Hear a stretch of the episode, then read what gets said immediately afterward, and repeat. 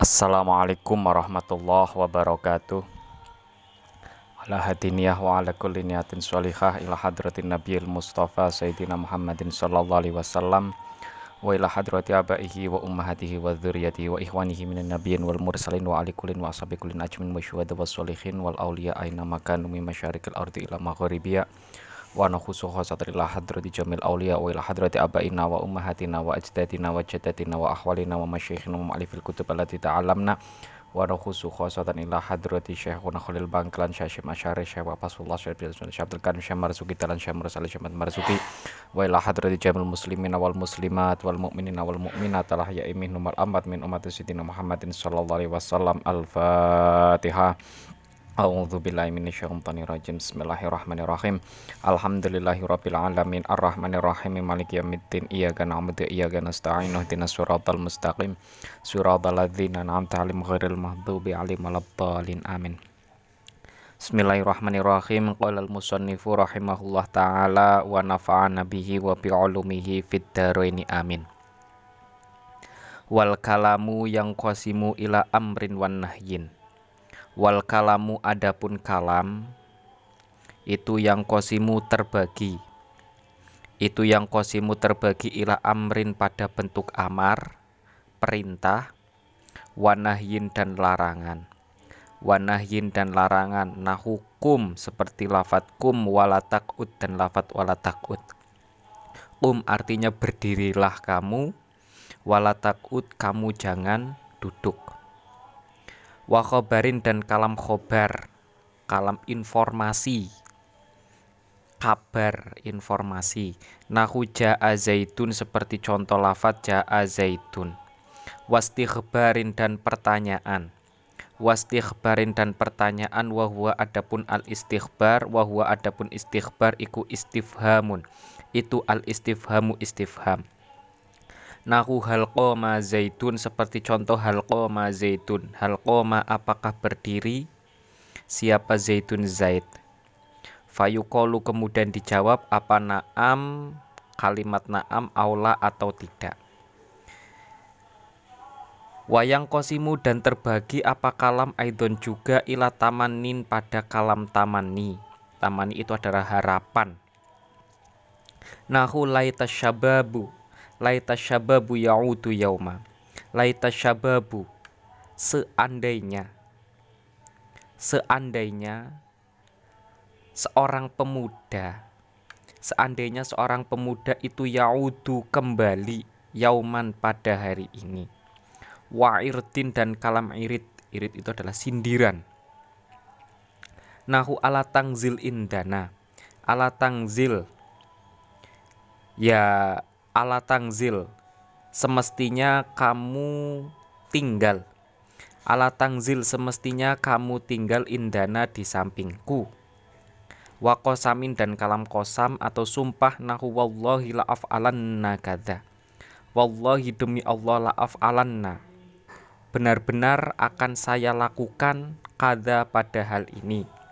Kada pada hal ini. Nah, kalam dalam usul fik itu itu dibagi dalam beberapa jenis ya kan? Kalam dalam usul fik itu dibagi dalam beberapa jenis. Ada kalanya kalam perintah kalimat perintah kalimat larangan kalimat pertanyaan kalimat harapan ya kalimat harapan kalimat sindiran dan kalimat sum sumpah. Ini adalah bentuk-bentuk kalam dalam usul usul fik wamin wajhin akhar dan dari sisi yang lain. Wamin wajhin akhar dan dari sisi yang lain yang kosimu terbagi apa kalam? Yang kosimu terbagi apa kalam ila hakikotin pada kalam hakikat wa majazin dan kalam majaz nah kalam juga kalam juga dibagi bentuknya antara kalam hakikat dan kalam ma majaz kalim, kalimat yang hakiki dan kalimat yang meta metafor atau majaz majazi. Hakikat di sini itu apa? Yang dimaksud dalam hakikat ini kalam hakikat itu apa? Fal hakikotu adapun kalam hakikat Fal hakikotu adapun kalam hakikat itu malafat itu malafat bakia yang tetap bakia yang tetap fil istiqmali dalam penggunaannya. Fil istiqmali dalam penggunaannya ala maudu'ihi sesuai. Sesuai makna asalnya. Ala maudu'ihi sesuai makna asalnya. Wakila dan ada pendapat yang mengatakan ma ma itu adalah kalam atau kalimat. Ustuk mila yang digunakan ustuk mila yang digunakan fima ustuliha alaihi sebagaimana yang di fima ustuliha alaihi sebagaimana yang digunakan sebagaimana yang digunakan minal mukhotobati ketika berbincang-bincang. Ketika berbincang-bincang. Nah kalimat hakikat itu adalah di sini ada dua definisi tentang kalimat hakikat Ya. Pertama, kalimat hakikat itu adalah kalimat yang digunakan sebagaimana makna asalnya. Ya, makna asalnya apa? Kalau sholat makna asalnya doa, berarti mengguna apa? Menggunakan kata sholat dengan makna doa itu adalah makna apa? Kalimat haki hakikat, ya kan? Kalimat haki hakikat. Tapi kalau digunakan bukan sebagaimana makna asalnya alias sudah mengalami perubahan dan pengembangan itu berarti bukan termasuk kalimat haki hakikat. Atau ada yang mendefinisikan lagi kalimat hakikat itu adalah kalimat yang digunakan sebagaimana mestinya ketika berbincang-bincang dengan orang lain. Ya yang yang umum di daerah itu itu bagaimana?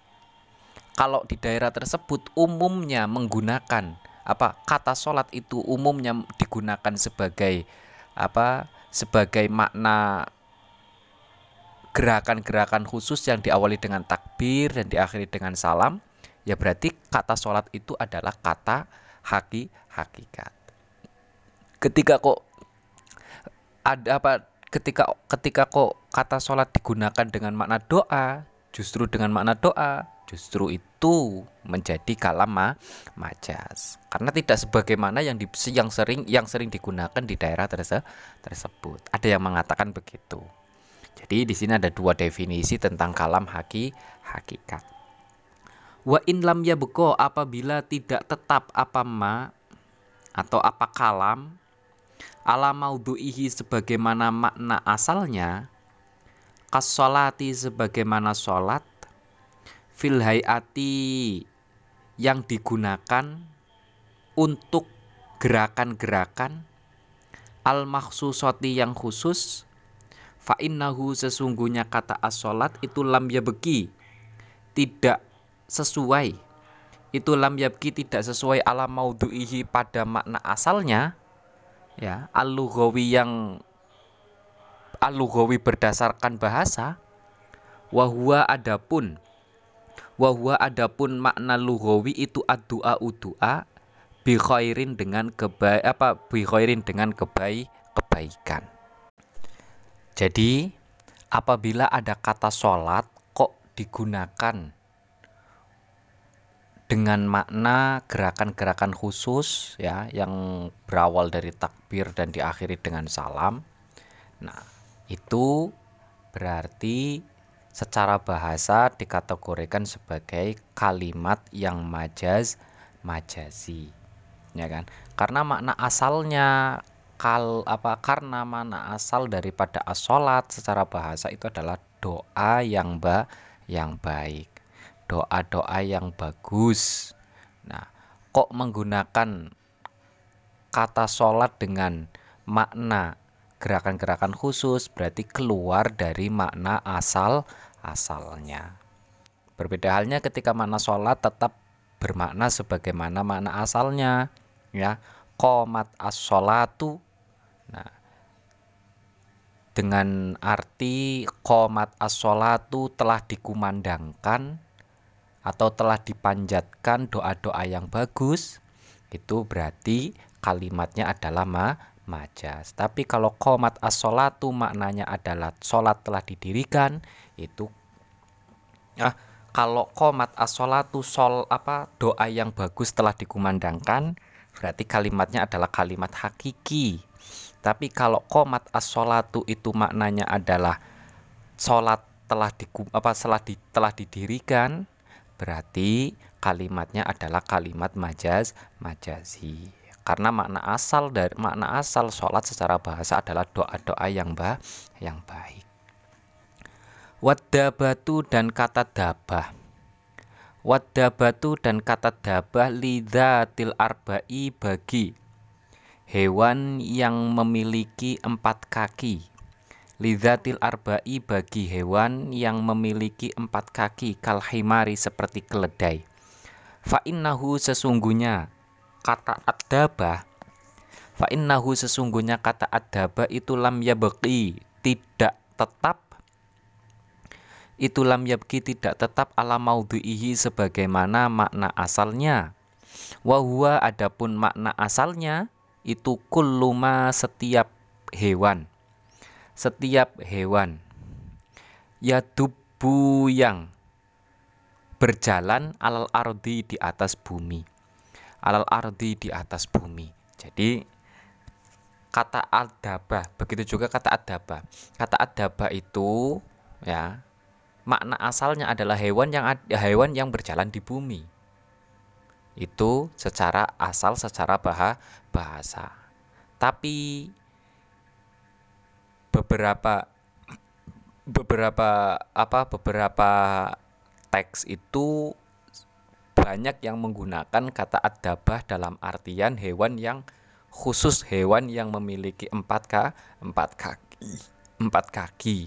Jadi kalau kata dabah di apa maknanya adalah seluruh hewan tanpa tanpa pengkhususan apakah dia empat kaki atau dua kaki itu kalimatnya adalah kalimat yang haki hakiki tapi kalau hanya diperuntukkan maknanya untuk hewan-hewan yang memiliki empat kaki itu namanya kalimat maja majazi karena kalau kata dabah diperuntukkan untuk hewan yang memiliki empat kaki itu sudah keluar dari makna asal secara bah bahasa. Wal majazu ma tujawizu ma tujawizu ay tu'adda ay ta'adda ma tajuzu ay ta'adda bihi an maudu'ihi. Wal majazu adapun kalimat majaz itu ma kalimat. Tajuzu yang melewati. Ay ta'adda bihi yakni ay ta'adda bihi. Ay ta'adda bihi yakni sudah melebar. Ay ta'adda bihi yakni sudah melebar atau sudah berkembang. An maudhu'ihi dari makna asalnya an maudhu'ihi dari makna asalnya hadza adapun kalimat majaz Hadza apa bukan? Hadza adapun kata majas alal maknal awal alal maknal awal sesuai makna yang pertama lil hakikoti lil hakikoti bagi, bagi makna hakikat wa alasani dan makna yang kedua huwa. Ma ustukmila yaitu kalimat. Huwama yaitu kalimat ustukmila yang digunakan fi ghairi ma ustuliha. Fi ghairi ma pada selainnya makna. Ustuliha alaihi yang digunakan minal mukhotobati ketika berbincang-bincang. Jadi intinya gini majas itu ketika sesuai dengan makna dasarnya ya kata ketika sesuai dengan makna dasarnya makna awalnya itu adalah kalimat majas. Kalau tidak sesuai dengan makna dasarnya sudah mengalami perkembangan sudah mengalami istilah khusus itu namanya keliru. Ketika makna ketika kata itu sudah apa ketika kata itu sesuai dengan makna awalnya itu namanya kata hakikat kalau sudah mengalami perkembangan itu namanya adalah kata majaz majazi ya kan atau yang yang tidak yang tidak sesuai dengan kebiasaan ketika ketika kata itu digunakan dalam perbincangan. Nah, ini berarti mempertimbangkan sebuah wilayah wilayah. Bisa saja kata apa sebuah kata dalam wilayah tertentu adalah majas, dalam wilayah tertentu adalah haki hakikat. Ya, ini menyesuaikan wilayah kata itu diguna digunakan. Ya, kalau kata kalau masyarakat daerah itu kok biasa menggunakan kata itu, ya kan, dengan makna yang sudah saling dipahami, maka kata tersebut menjadi kata haki hakikat. Tapi kalau kal, kalau kata itu digunakan oleh sekelompok masyarakat di mana maknanya itu tidak sebagaimana makna yang biasa mereka gunakan, itu berarti katanya adalah kata majaz majasi. Wal hakikotu adapun kalimat hakikat itu imma ada kalanya ada kalanya bersifat bahasa bi an wado'aha dengan gambaran kalimat tersebut dibentuk. Bi an wado'aha dengan gambaran kalimat tersebut dibentuk ahlul lughati oleh ahli bahasa. Kal asadi sebagaimana kata asad lil hayawani dengan makna hewan al muftarishi yang buas al-muftarisi yang buas. Wa imma syara'iyatun dan ada kalanya hakikat secara syariat. Bi'an wado'aha dengan gambaran membentuk kalimat tersebut telah membentuk pada kalimat tersebut siapa asyari'u syariat. Kasolati seperti kata solat la ibadati untuk ibadah al-maksusoti yang khusus wa imma urfiyatan dan ada kalanya bersifat urf. Urf itu tradisi, kebiasaan ya, tradisi atau kebiasaan. Bi wado'aha dengan gambaran telah menggunakan kalimat tersebut siapa ahlul orfi masyarakat sebuah daerah al-ami yang umum kadabati seperti kata adabah lil lidati lidatil arba'i bagi hayawan atau hewan yang memiliki empat kaki kal himari seperti himar. Wahia adapun dabah lughatan secara bahasa itu likul lima nama bagi setiap hewan ya tubuh yang berjalan alal ardi di atas bumi. Wal khosu adapun makna khususnya itu kal fa'ili seperti fa'il lil ismi. Oh, ahlul urfi al ami yang umum wal khasi dan ahli urfi yang khusus. Ini beda. Kal fa'ili seperti fa'il lil ismi bagi isim al ma'rufi yang dikenal indan nuhati menurut ahli nahu. Wahada taksimu adapun pembagian-pembagian ini itu masin berlaku alat ta'rifitsani alat ta'rifitsani berdasarkan definisi yang kedua lil hakikoti bagi hakikat. Dunal awali bukan definisi yang pertama. Al qasiri yang me mengkhususkan alal lughawiyati berdasarkan makna berdasarkan sudut pandang bahasa. Ala lughawiyati berdasarkan sudut pandang bahasa. Nah, kemudian kalimat hakikat itu dibagi menjadi tiga. Hakikat secara bahasa, hakikat secara syariat, hakikat secara ur, uraf. Nah, hakikat secara uraf itu nanti juga dibagi dua. Ada uraf am, ada uraf khos ya ada tradisi yang umum kebiasaan-kebiasaan oleh masyarakat umum ada kalanya kebiasaan-kebiasaan oleh masyarakat khusus ya atau komponen masyarakat khusus tidak semuanya. Nah kita masuk dalam hakikat lughawiyah. Hakikat lughawiyah itu apa? Hakikat lughawiyah itu adalah kata yang digunakan dengan makna sebagaimana ahli bahasa menentukan makna tersebut. Ya kan? Sebagaimana ahli bahasa menentukan makna tersebut. Itu namanya hakikat lughawiyah. Umpamanya al-fa'il itu menurut ahli bahasa artinya apa? Oh, al-fa'il menurut ahli bahasa itu adalah pela pelaku. Ya kan? Berarti kata fa'il ketika digunakan dengan makna pelaku itu berarti makna hakikat secara bahasa. Dan macam yang kedua adalah hakikat secara syariat.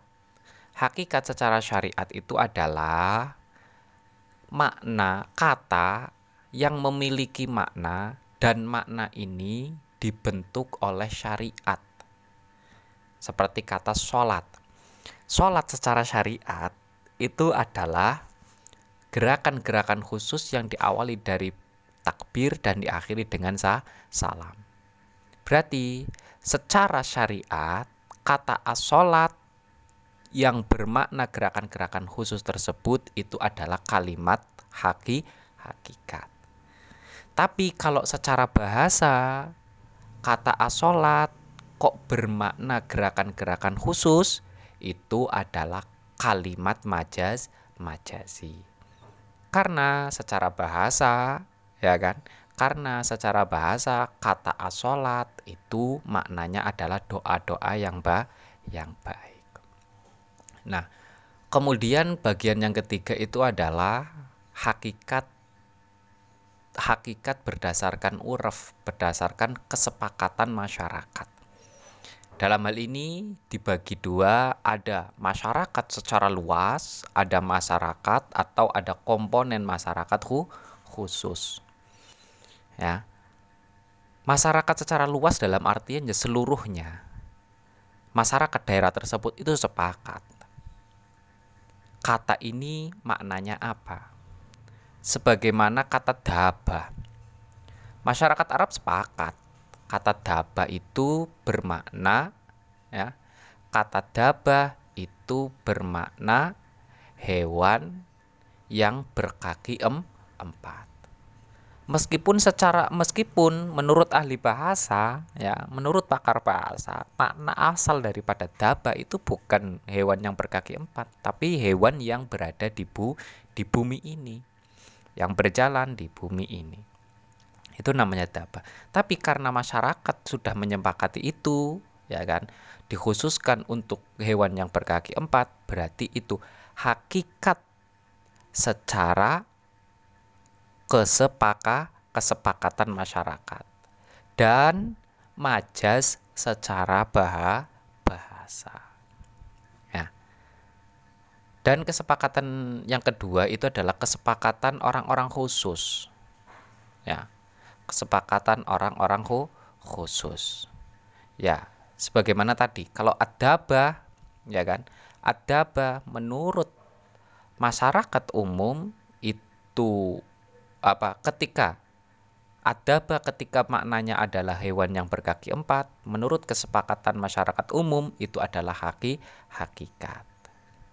Tapi menurut kesepa apa menurut kelompok tertentu ya masyarakat-masyarakat khusus ahli bahasa dalam hal ini itu adalah kalimat ma majas. Atau kesepakatannya itu tidak semuanya tapi hanya yang dilakukan oleh orang-orang khusus. Seperti halnya tadi. Ya daba itu berarti ya kalau bermakna kalau bermakna hewan seluruh hewan yang berjalan di atas bumi berarti itu adalah hakikat menurut masyarakat khusus. Ya kan? Majas menurut masyarakat umum. Jadi pembagian-pembagian ini bisa saja antara satu bagian dengan bagian yang lain itu saling berlawanan. Menurut bagian yang satu menurut bahasa dikategorikan sebagai majas menurut syariat bisa dikategorikan sebagai haki hakikat ya itu pembagian kalimat kesimpulannya kalimat itu ada kalanya kalimat perintah, kalimat larangan, kalimat pertanyaan, kalimat harapan, kalimat sindiran, dan kalimat sum sumpah. kalimat juga dibagi menjadi dua, kalimat hakikat dan kalimat ma majas. Ya, kalimat hakikat dibagi menjadi tiga, hakikat secara bahasa, hakikat secara syariat, dan hakikat secara kesepakatan masyarakat. Kesepakatan masyarakat itu dibagi dua, ada kalanya masyarakat secara umum, ada kalanya masyarakat secara khusus. Itu kesimpulannya. Secara definisi bisa nanti dihafalkan sendiri. Semoga apa yang kita pelajari bisa bermanfaat. Kurang lebihnya mohon maaf. Bila taufik wal hidayah. Wassalamualaikum warahmatullahi wabarakatuh.